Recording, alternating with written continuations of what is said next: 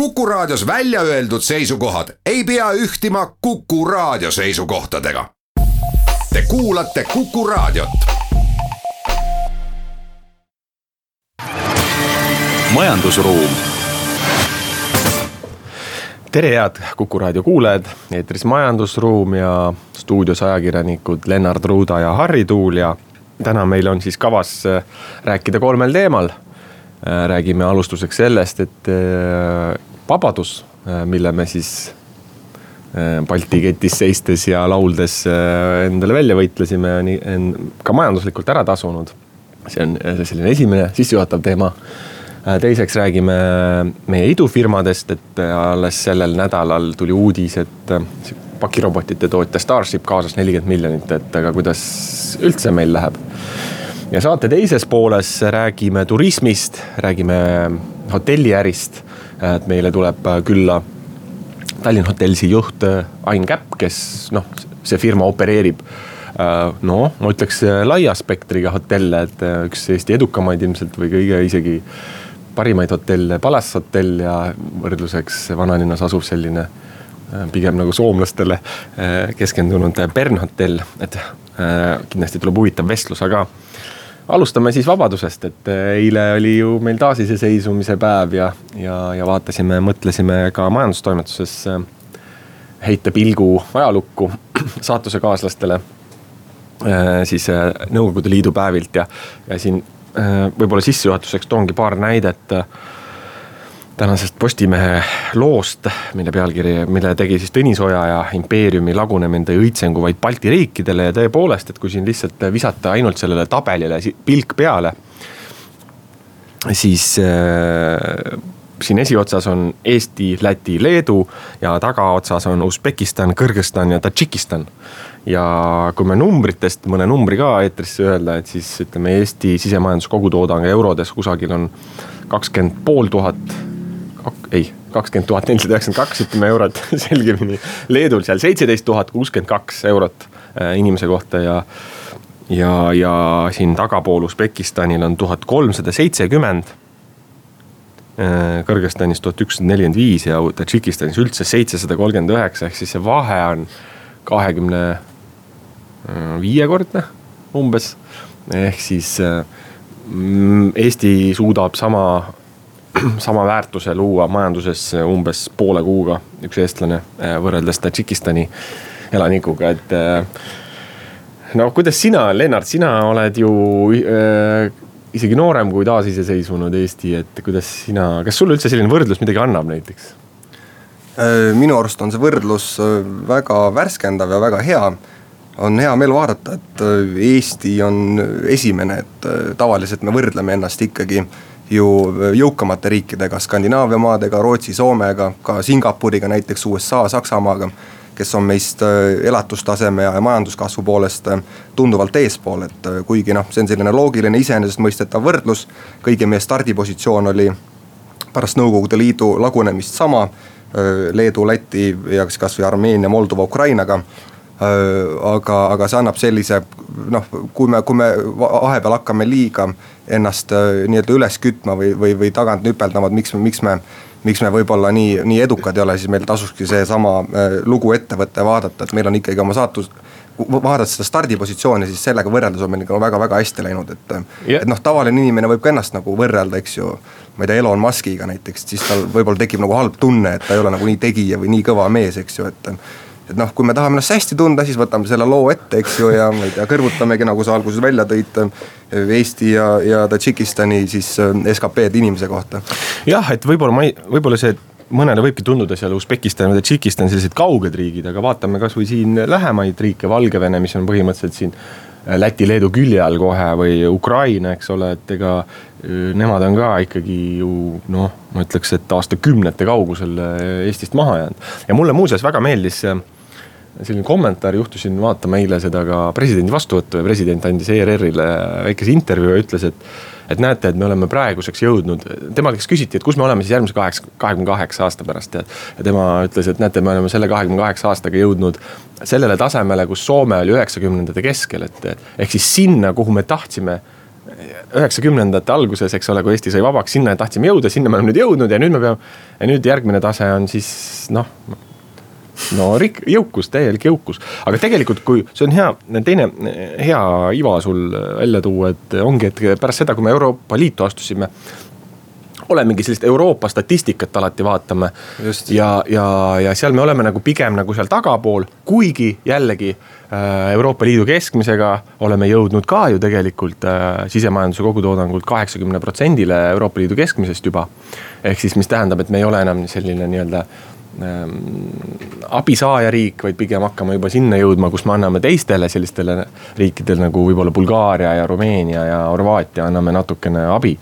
et ka see on huvitav, et ähm, aga äh, võib-olla teema, mida ma tahaks võib-olla pikemalt peatuda, on need põhjused, et miks nii üldse läinud on oled sa mõelnud selle peale? mul hakkas üks asi veel siin silma ah,, et nii et äh, hästi, hästi huvitav minu arust see, et parematel positsioonidel on just need riigid tegelikult, kellel ei ole erilisi maavarasid. ja, ja tagumises ja. osas, eks ju, äh, Tadžikistan, Kõrgõzstan, Usbekistan, Aserbaidžaan, noh ka noh, Venemaa ei ole tagumises otsas, aga neil on tegelikult tohutud äh, maavarad, eks ju, mineraalained, kuld, vääris, väärismetallid, no nafta, gaas, eks ju, kui me räägime Aserbaidžaanist, Venemaast.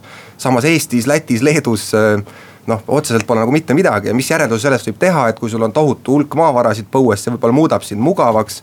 sa ei diferentseeri oma majandust, sa sõltud ainult väga ühest sellisest toormest, noh on ju palju räägitud, et Eesti hakkas ka oma e-riiki sellepärast üles ehitama, et me olime lihtsalt niivõrd vaesed, meil polnud aega ja raha üles ehitada sellist kallist äh, bürokraatiamasinat, mis siis kõik oma need teenused ära täidaks, et see oligi meil selline möödapääsmatu äh, noh, tegutsemine, et me peame, peame kuidagi nutikamalt ja odavamalt läbi saama, sellepärast me need kõik need e-teenused ja, ja, ja digitaalsed äh, lahendused olemegi loonud võib-olla.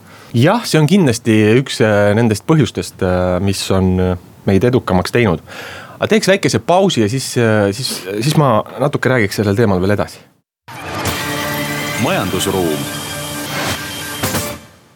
jätkame saatega, stuudios ajakirjanikud Lennart Ruuda ja Harri Tuul ja rääkisime just sellest, et eh, Eesti, aga ka Läti, Leedu on olnud need edukad riigid, kes on selle vabaduseks, vabaduse, vabadusega jõukaks saanud, et ja tahtsin veel korra peatuda või selle teema võib-olla ka kokku võtta nendel põhjustel, miks, miks me näiteks Tadžikistani, Usbekistanist ja, ja võib-olla ka Ukrainast äh, väga selgelt eristume, et sina tõid välja selle, et Lennart, et äh, et meil ei ole nii-öelda mingeid varasid.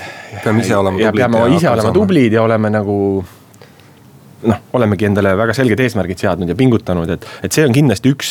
aga neid tahke on veel, et ma tooks välja kindlasti ühe tahuna ka näiteks naabrid et Eestil on kindlasti vedanud näiteks Soomega, et on keeleliselt lähedane, samas jõukas.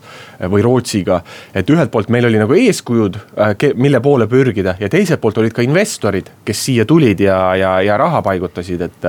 et noh, näiteks jällegi nendesamade äh, Tadžikistanide ja teiste riikide juurde tulles, et noh, nende suurimad naabrid on näiteks noh, Venemaa, eks ole. Usbekkidel on selline unistuste maa, minna Venemaale ehitajaks kuhugi Peterburi või kuhugi, eks. et ähm, noh noh, see unistuste tase on nagu teistsugune. aga naabrid ka selles mõttes, et na-, neil, ne, na, meie naabrite riigikord või see, kuhu me tahtsime püüda Euroopas on ju. see on selline demokraatlik ja, ja kõiki õigusi armastav või ütleme, hoidev, et, et ütleme, mitte selline autokraatlik nagu Venemaal, eks, et. et meie see riigiehitussüsteem on ka palju-palju tugevam kui võib-olla meie toonastel saatusekaaslastel, et see demokraatlik ja kõikidel on võimalus, äh, ütleme, olla edukas, et seda ei võeta kelleltki ära. Äh, äh, ja loomulikult noh, üks mitte vähetähtis argument on ka haridus, et ikkagi siin Balti riikides ikkagi Eestis osati lugeda ja kirjutada juba üheksateistkümnendal sajandil, et. et ma, et ja, ja võib-olla siis selline neljas või viies, ma ei teagi, mitmes see põhjus on, on, mis on osaliselt, nad on kõik omavahel, eks ole, läbi põimunud, et, et me neid kuidagi eraldada ei saa, on see korruptsioon. et äh, autoritaarsemates riikides või sellistes segaste riigikorraldusega riikides see korruptsioonitase on väga kõrge.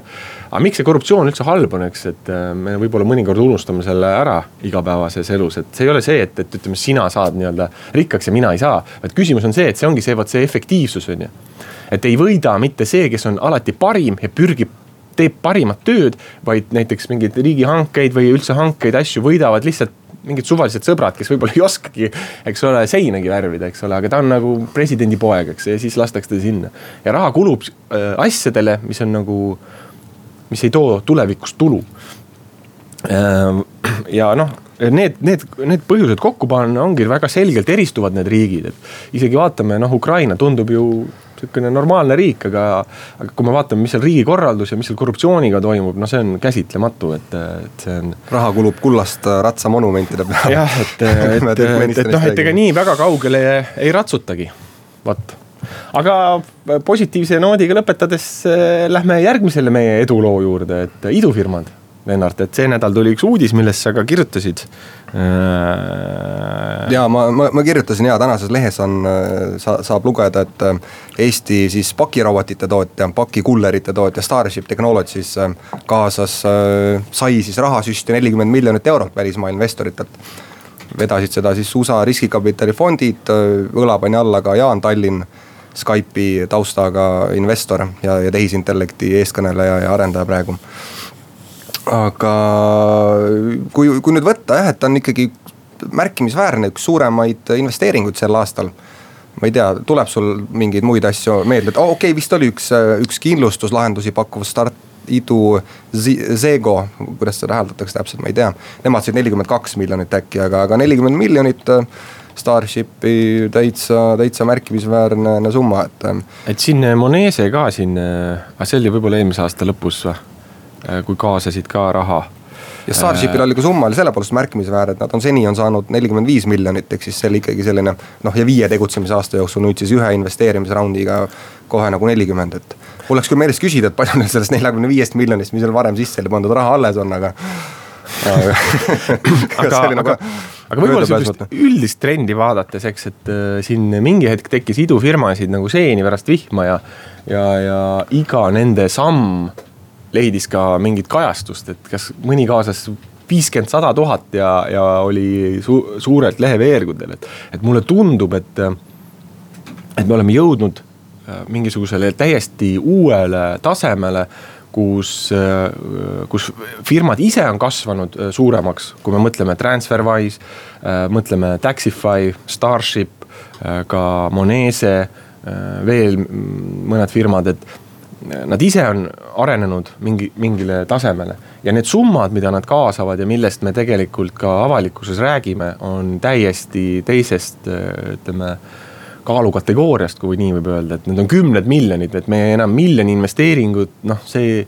ei ületa enam mingit uudiste künnist tegelikult, et ja ma arvan, et see on hea, sest mingi hetk tekkis ka selline küllastus, ütleme sellest startup'i ärist, kus noh tekkis selline tunne, et see on selline äri, kus kiretakse enne kui munetakse, ehk siis äh, hästi palju räägitakse oma võimalikust edust. räägitakse mingist kaasatud rahast, aga kaasatud raha on lihtsalt investeering, et see ei ole raha see ei ole teenitud raha, see ei ole kasum, see ei ole käive, see ei raha, ole tegelikult, see ei ole, see noh, see ei, see ei näita otseselt äh, suurt äh, midagi no samas Eesti idufirmade jaoks on ikkagi praegu noh, läbi aegade parimad ajad, et kui me vaatame ja, raha hulka, mis sinna sisse pannakse. aga noh, selles mõttes on sul õigus jah, et äh, võibki sellist trendi täheldada, et suured nagu kasvavad suuremaks ja kogu raha voolab sinna. et äh, sellistesse noh, investeeritud äh, idufirmade arv, kuhu raha on pandud, on tegelikult nagu vähenenud, aga see näitabki seda, et pannakse raha rohkem mm. -hmm. ja, ja nagu väiksemasse ringi iduettevõtetesse, et jah, iga, iga nagu suvaline ettevõtmine enam võib-olla nii kergelt seda, seda raha ei saa, aga. aga noh, eks ta on jah, praegu on selline suure, suure maailma raha nagu otsib kohta, kuhu, kuhu minna, et.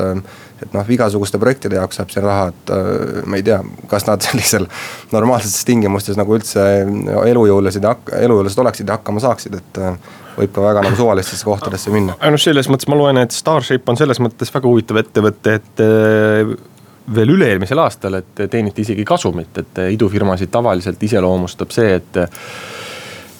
et kasvat-, et see kasv on nii kiire, et kasumit ei jõua teenida, ütlen piltlikult, et noh, näiteks mõtleme maailma suurimale sellisele noh, ma ei julge ka muidugi seda enam idufirmaks nimetada, kuigi nad vist osaliselt on, noh Uber, eks ole, tehnoloogiafirma, mis, mis minu kas ei olegi kunagi kasumit teeninud ja on ometi on väärt miljardeid ja miljardeid, miljardeid eurosid samas et... oli meil üks ka väga huvitav äh, näide lehes, äh, kus üks iduettevõte pani üldse pillid kokku, see on siis äh, Shipitwise, selline logistika tarneahelat siis digitaliseerinud idufirma, et nemad lõpetasid üldse nagu tegevuse ära. ütlesid niimoodi, et, et sektor on ajast maha jäänud ja, ja, ja pole veel plahvatuslikuks innovatsiooniks, mida meie pakume, pole valmis, et noh, mis on minu jaoks natukene noh, absurdne või, või naljakas nagu põhjendus, et et äh, noh, see ju siis ikkagi oli viga nagu sinu enda teenuses, ma arvan. rääkida, et äh, probleem on nagu viga on nagu teistes, et see on äh, pehmelt öeldes nagu kummaline.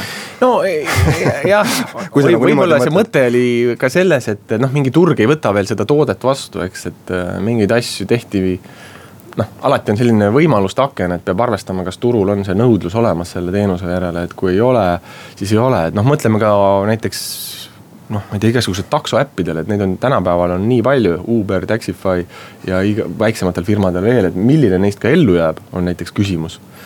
Millele me ilmselt ei tea vastust, ega nad äh, kasumit ei teeni. Aga see kõver, kui nüüd vaadata, siis see suur kasvukõver, mis on Eesti startup äh, saatnud siin viimastel aastatel, et, et nii firmade kui ka firmade arv kui ka summad on kasvanud, siis ta on nagu selles mõttes on nii-öelda jõudnud mingile platoole, et et, et sealt sellist suurt kasvu äh, äh, noh, enam ei ole aga. selles mõttes firmade arv, kes on raha saanud, minu arust ei ole kasvanud, et äh, pigem ongi, et see on vähenenud, aga need summad, mis sinna pannakse, on suurenenud. ja kui neid summasid üldse vaadata, siis viimasel ka-, tähendab kaks tuhat seitseteist ja kaheksateist toimus ikkagi nagu plahvatuslik kasv varasemaga, et see tõusis seal mitu korda, et eelmisel aastal läks Eesti idudesse kuskil kolmsada kolmkümmend miljonit ja aastaarv on kakssada seitsekümmend ja sealt, sealt siis edasi veel kuskil sada ainult, et äh, noh, ikka, ikka nagu väga kõva kasv. jah, aga me olemegi jõudnud sinna etappi, kus ta nüüd enam nüüd viimastel andmetel siin äh, Mar Allan Martinson lööb siin ikka aeg-ajalt neid numbreid äh, oma Facebooki lehel kokku, et, et, et, et ta ei ole küll peatunud, aga ta on äh, nii-öelda pidurdunud, ütleme siis äh, niimoodi. mis ei ole üldse võib-olla halb, et, et hoopis halb võib olla ka see, kui raha lihtsalt voolab sulle peale ja tehakse asju, mis ei tasu ennast ära, eks, et millest me siin rääkisime näiteks laenurahast. Rain Lahmusega laenurahast rääkides, et kui see ikkagi latt on maa all, et siis tehakse noh, mõttetuid asju, aga aga Harri, ma küsin võib-olla ka seda, et mis sa sellest arvad, et idufirmadest rääkides tuleb tihtipeale, kui nende endaga rääkides, nad ütlevad, et selline keskkond või atmosfäär, kus nagu tegutseda, on jõle vaenulikuks ja, ja, ja toksiliseks muutunud just no eeskätt nagu praeguse valitsuse tegevuse tõttu, et. no see on see, seal võib olla väike moment, et ütleme, investorid võib-olla kuidas nemad suhtuvad, kas tasub paigutada siia Eestisse, et need firmad võivad kolida väga palju välismaale. ja teine asi on need töötajad, eks, kes siia tulevad, ma ei tea kus iganes, Filipiinidelt näiteks, et, et kuidas nendesse suhtutakse. samas mul tuli üks, üks näide meelde, et Brasiilia ühest äh, iduettevõtjast, äh, kes ütles, et äh, selgitasid, et nemad tulid siia, kuna Brasiilia valitsus töötas nagu neile seal vastu. Nemad ei saanud seal teha ja siis võtsid, panid pead kokku, leidsid, et Eesti on üldse kõige parem koht, kus tegutseda ja on praegu siin ja on nagu okei okay, vist no,. Eesti on kindlasti kõige parem koht, kus tegutseda, aga teeme väikese pausi, siis juba teistel teemadel. majandusruum jätkame saatega, stuudios ajakirjanikud Lennart Ruuda ja Harri Tuul ning meil on äh, külas äh, Tallinn Hotellsi juht Ain Käpp.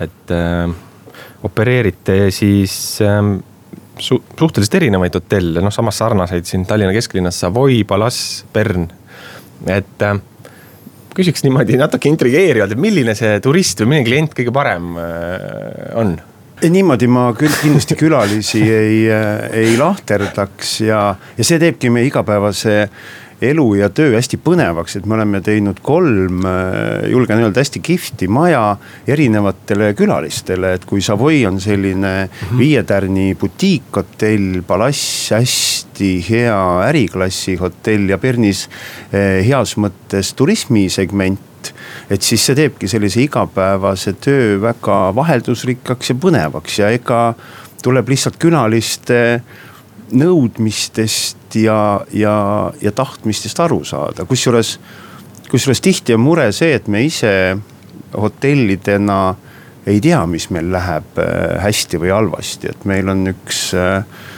põnev tarkvararobot, mis meid aitab analüüsida ja, ja me oleme ka saanud Palassiga neli aastat kõrgeima rahulolu eh, kokkuvõtted Tripadvisoris eh, Tallinnas.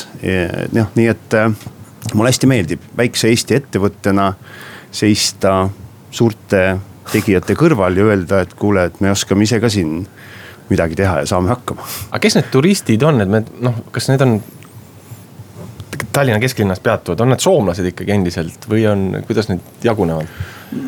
ma usun, et äh, selline kaheksateist protsenti, viisteist protsenti, kakskümmend protsenti Soome osakaal. et ta ei ole, ta ei ole niimoodi, et äh, üle poolte on Soome inimesed, pigem isegi peaks vaatama nii, et miks inimesed meile tulevad Eestisse või Tallinnasse. ja siis alles, et äh, mis maalt nad, mis maalt nad on mm. -hmm miks turistid siia tulevad ja miks nad võib-olla, osad neist ka tulemata jätavad, jäävad?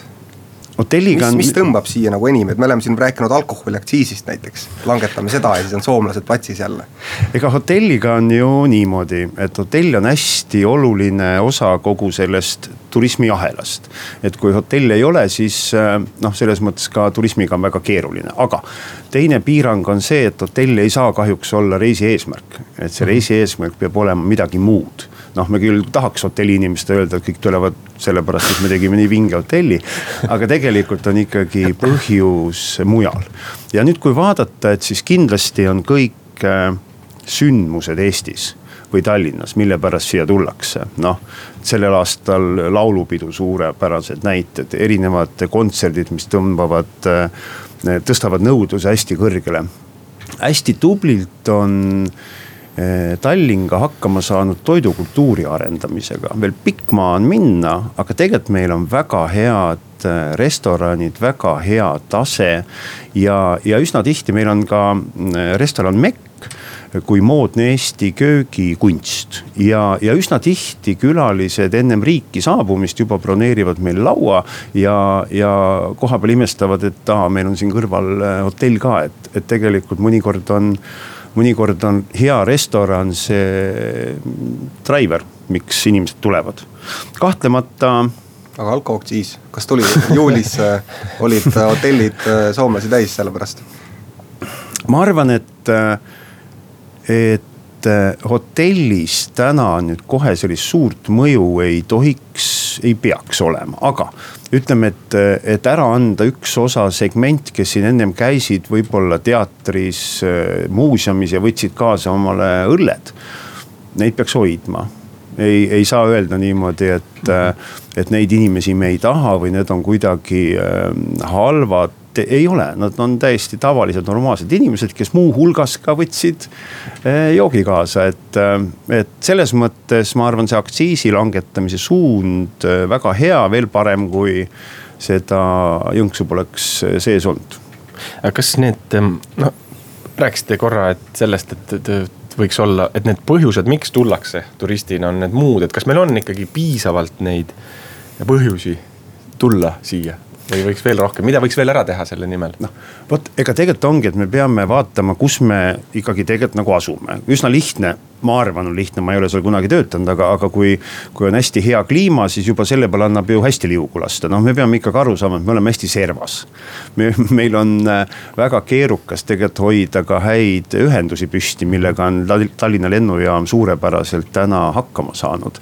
aga tegelikult ja siis selles kontekstis, kui sektor saab hästi hakkama ja on tegelikult ju suur ekspordiala, mis toob riiki raha sisse. et siis seda peaks ka hoidma ja aitama selle arengule kaasa, et just nimelt kõik ka muud üritused saaksid toimuma siin. ja noh, näiteks nagu ka konverentsikeskus, millest on räägitud ma ei tea, kui kaua. noh, ja, ja see ei, noh, see ei saagi toimida nii, et eh, erainimesed, erasektor tuleb, paneb raha kokku, see ei tasugi kunagi ära otseselt. aga ühistöös on see kõigile väga kasulik, sest eh, mitte hotellid ei võida, vaid kõik juustumüüjad, poed, kultuurisündmuste tegijad.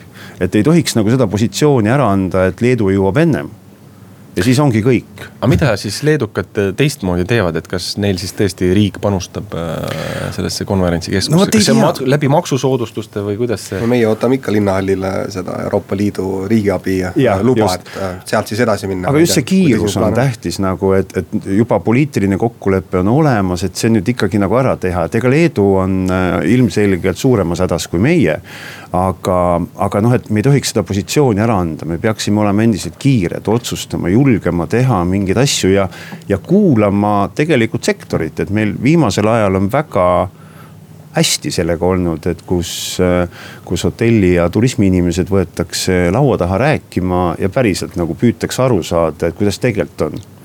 ja see on väga hea, et arvatavasti aktsiisiteemadel eh, nii head kuulamist ei olnud mm.. aga, aga noh, meil oli siin ju õhus ka käibemaksu muutus mõni aeg mm -hmm. tagasi ja see. Ma tahaks öelda, et ma, võib-olla me ise ka ei osanud lõpuni ette teada, kui hull see tegelikult oleks olnud, see oleks päriselt nagu noh, meil on nii suur hulk äh, töötajaskonda üle Eesti, kus me oleme head tööandjad, kõik pikad kinnisvarainvesteeringud, tuleviku asjad, see oleks katastroof olnud. olukorras, kus seitsmeteistkümnes riigis Euroopa Liidus öeldakse, et äh, turism on oluline, turism on eksport, oleme atraktiivsed, tulge meie juurde. Et see on alati see, mis hotelliinimesi väga ärevaks teeb, kui kui sellist äh, erisust püütakse ära võtta. ja see kuulajale meeldetuletuseks, et siin äh, tegelikult enne Jüri Ratase esimest valitsust, siis oli plaan tõsta siis äh, käibemaksu üheksalt neljateistkümnele. ja, ja siis, kui tulid äh, sotsid ja Isamaa ja.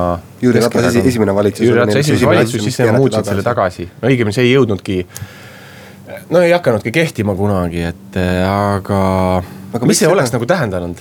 tegelikult oleks tegelikult oleks see, et füüsiliselt oleks raha otsa lõppenud, päriselt seda noh, ütleme, et lihtne on öelda, et mis see viis protsenti on, et tõstke natuke hinda ja noh ja, ja niimoodi kuulates tundubki lihtne, aga me elame ju vabal turul, me võime iga päev viis protsenti kuskil online kanalites hinda tõsta, kuigi see ei tule välja. no meie hinnakasv on Tallinnas olnud väga-väga tagasihoidlik. ja see tähendaks seda, et see kõik raha oleks pidanud tulema tegelikult äh, kasumi arvelt aga, aga hotellinduses eh, ei ole see raha nii suur, et oo jaa, maksame selle ära. et eh, tegelikult jällegi me oleks kaotanud konkurentsis. noh, kui Saksamaa ütleb et, et viis protsenti. Saksamaa, võimas riik, ütleb, turism on meile oluline, noh. et, et me tihti vaatame seda kui glamuurset ja, ja jube hästi kerget äri, aga, aga tegelikult see on paljude inimeste suur hulk tööd ja, ja, ja vaeva aga iseenesest võiks seda edasi suruda, et seda veelgi langetataks käibemaksumäära majutusasutustele, et see on iseenesest ju selline sektor, mis noh, teeb eksporti sisuliselt. absoluutselt. ja, ja eksport on ju, need tooted ei, ei, ei olnud käibemaksust nagu vabastatud. just. et siis tavaliselt... võiks ju edasi seda push ida, et veelgi, veelgi vähendada hoopis nii. no ütleme, et noh, teistpidi tuleb vaadata ka seda, et eks mingi osa on ka Eesti sisetarbimist. noh, et, et nüüd öelda, et päris meil muidugi ideaalmaailmas võiks, aga kas ta nüüd on päris õiglane, teine teema mis on mitmes riigis väga head efekti andnud, on toitlustuse käibemaksu alandamine. ja see tegelikult eh, on meil koos tööjõumaksudega tegelikult nagu päris kõrge täna, ma tahaks isegi öelda väga kõrge. ja ega restoranid, kui nad on äh, Eh, kuskil üksipäini toimetavad, on päris raske hakkama saada.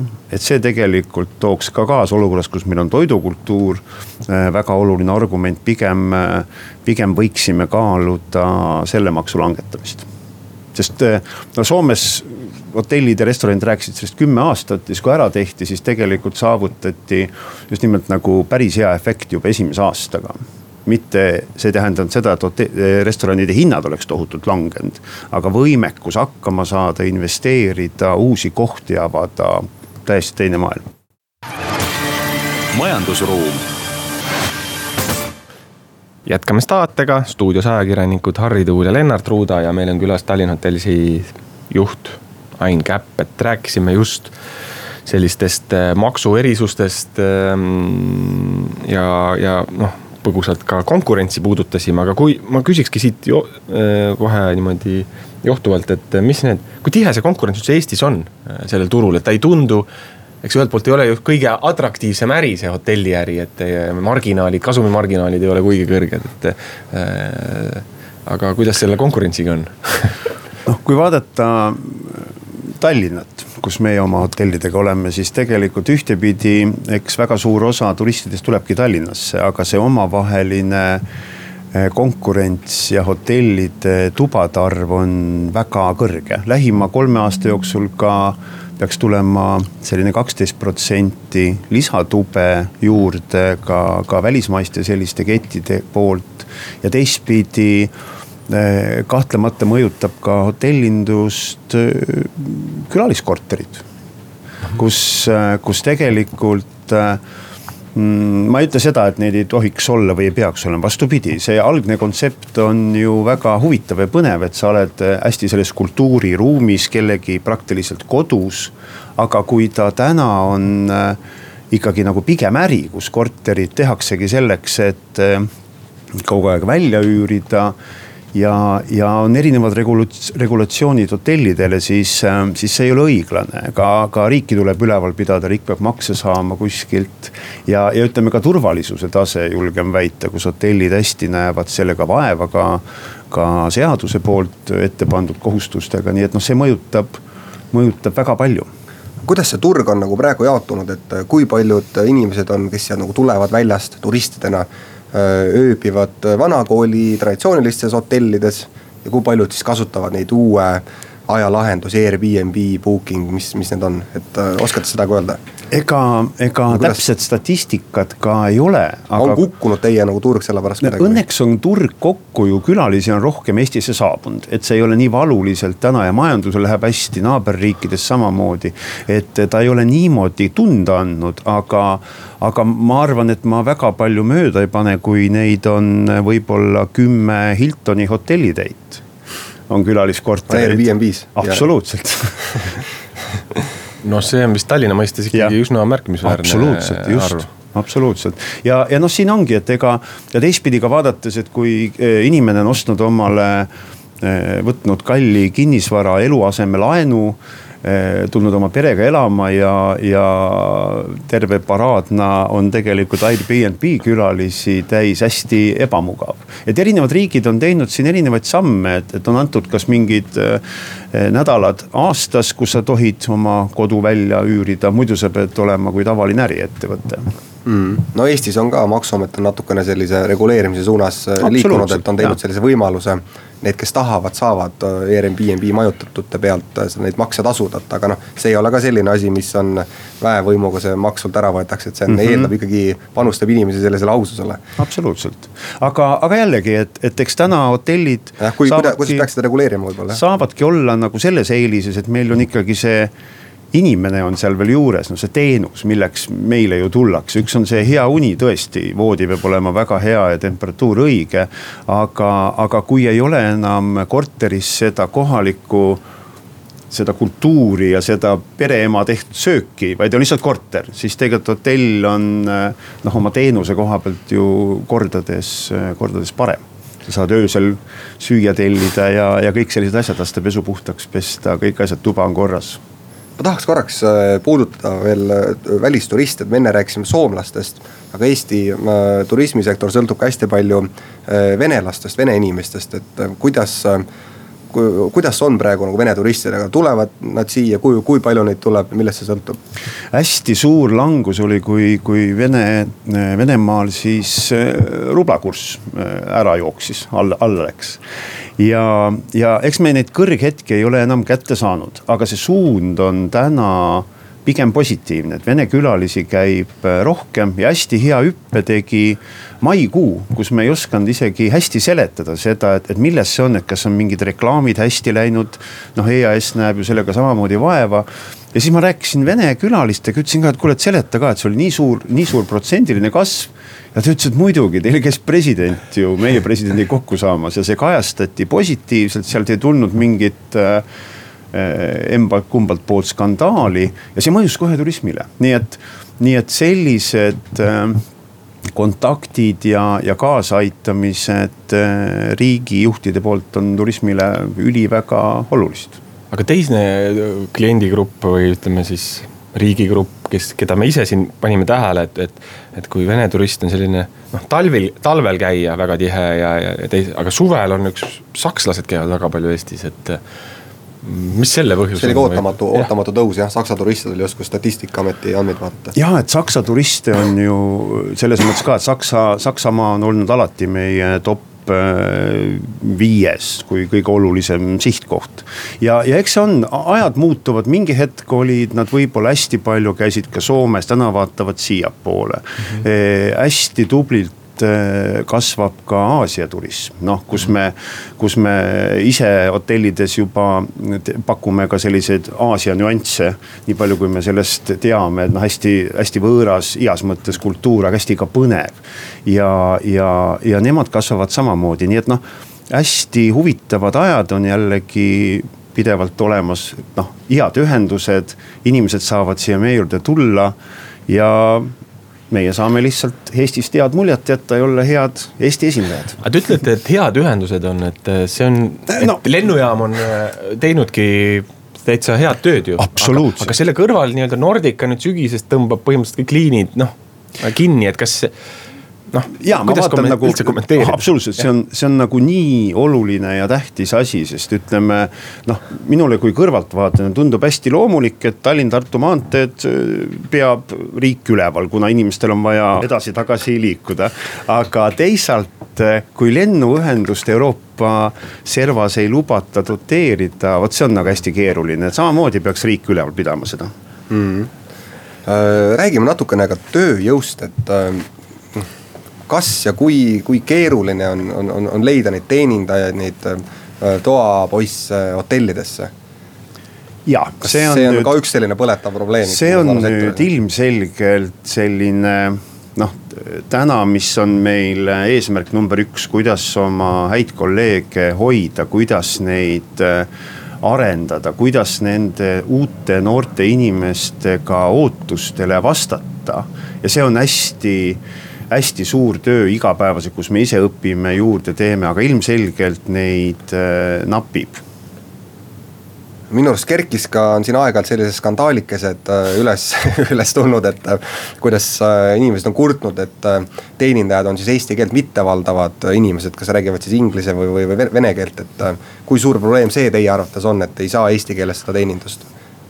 või, või nagunii käivad eelkõige, eks ju, hotellides meil välismaalased? no seda küll, esiteks noh, meil on väga selgelt äh, seadusega ette antud, kuidas meil peab olema ja, ja ma arvan, et see on probleem, aga ka väga paljud äh, vene keelt kõnelevad noored on väga hea eesti keele oskusega.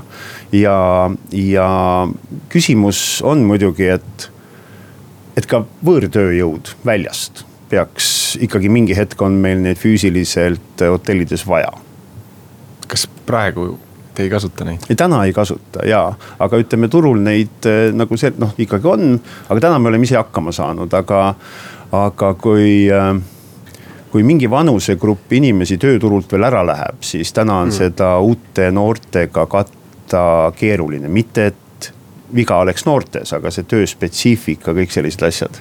ja kuna hotelli investeering on ju hästi pikk, siis eh, noh, tehakse ta viieteist või kahekümneks aastaks, et siin ei saa niimoodi suuri muutusi kohe teha järsult no aga soovime teile edu selles, selles raskes töös ja võtame tänase saate kokku. stuudios olid ajakirjanikud Lennart Ruuda ja Harri Tuul, külas oli meil Tallinn Hotellsi juht Ain Käpp. kohtumiseni majandusruumis järgmisel nädalal. majandusruum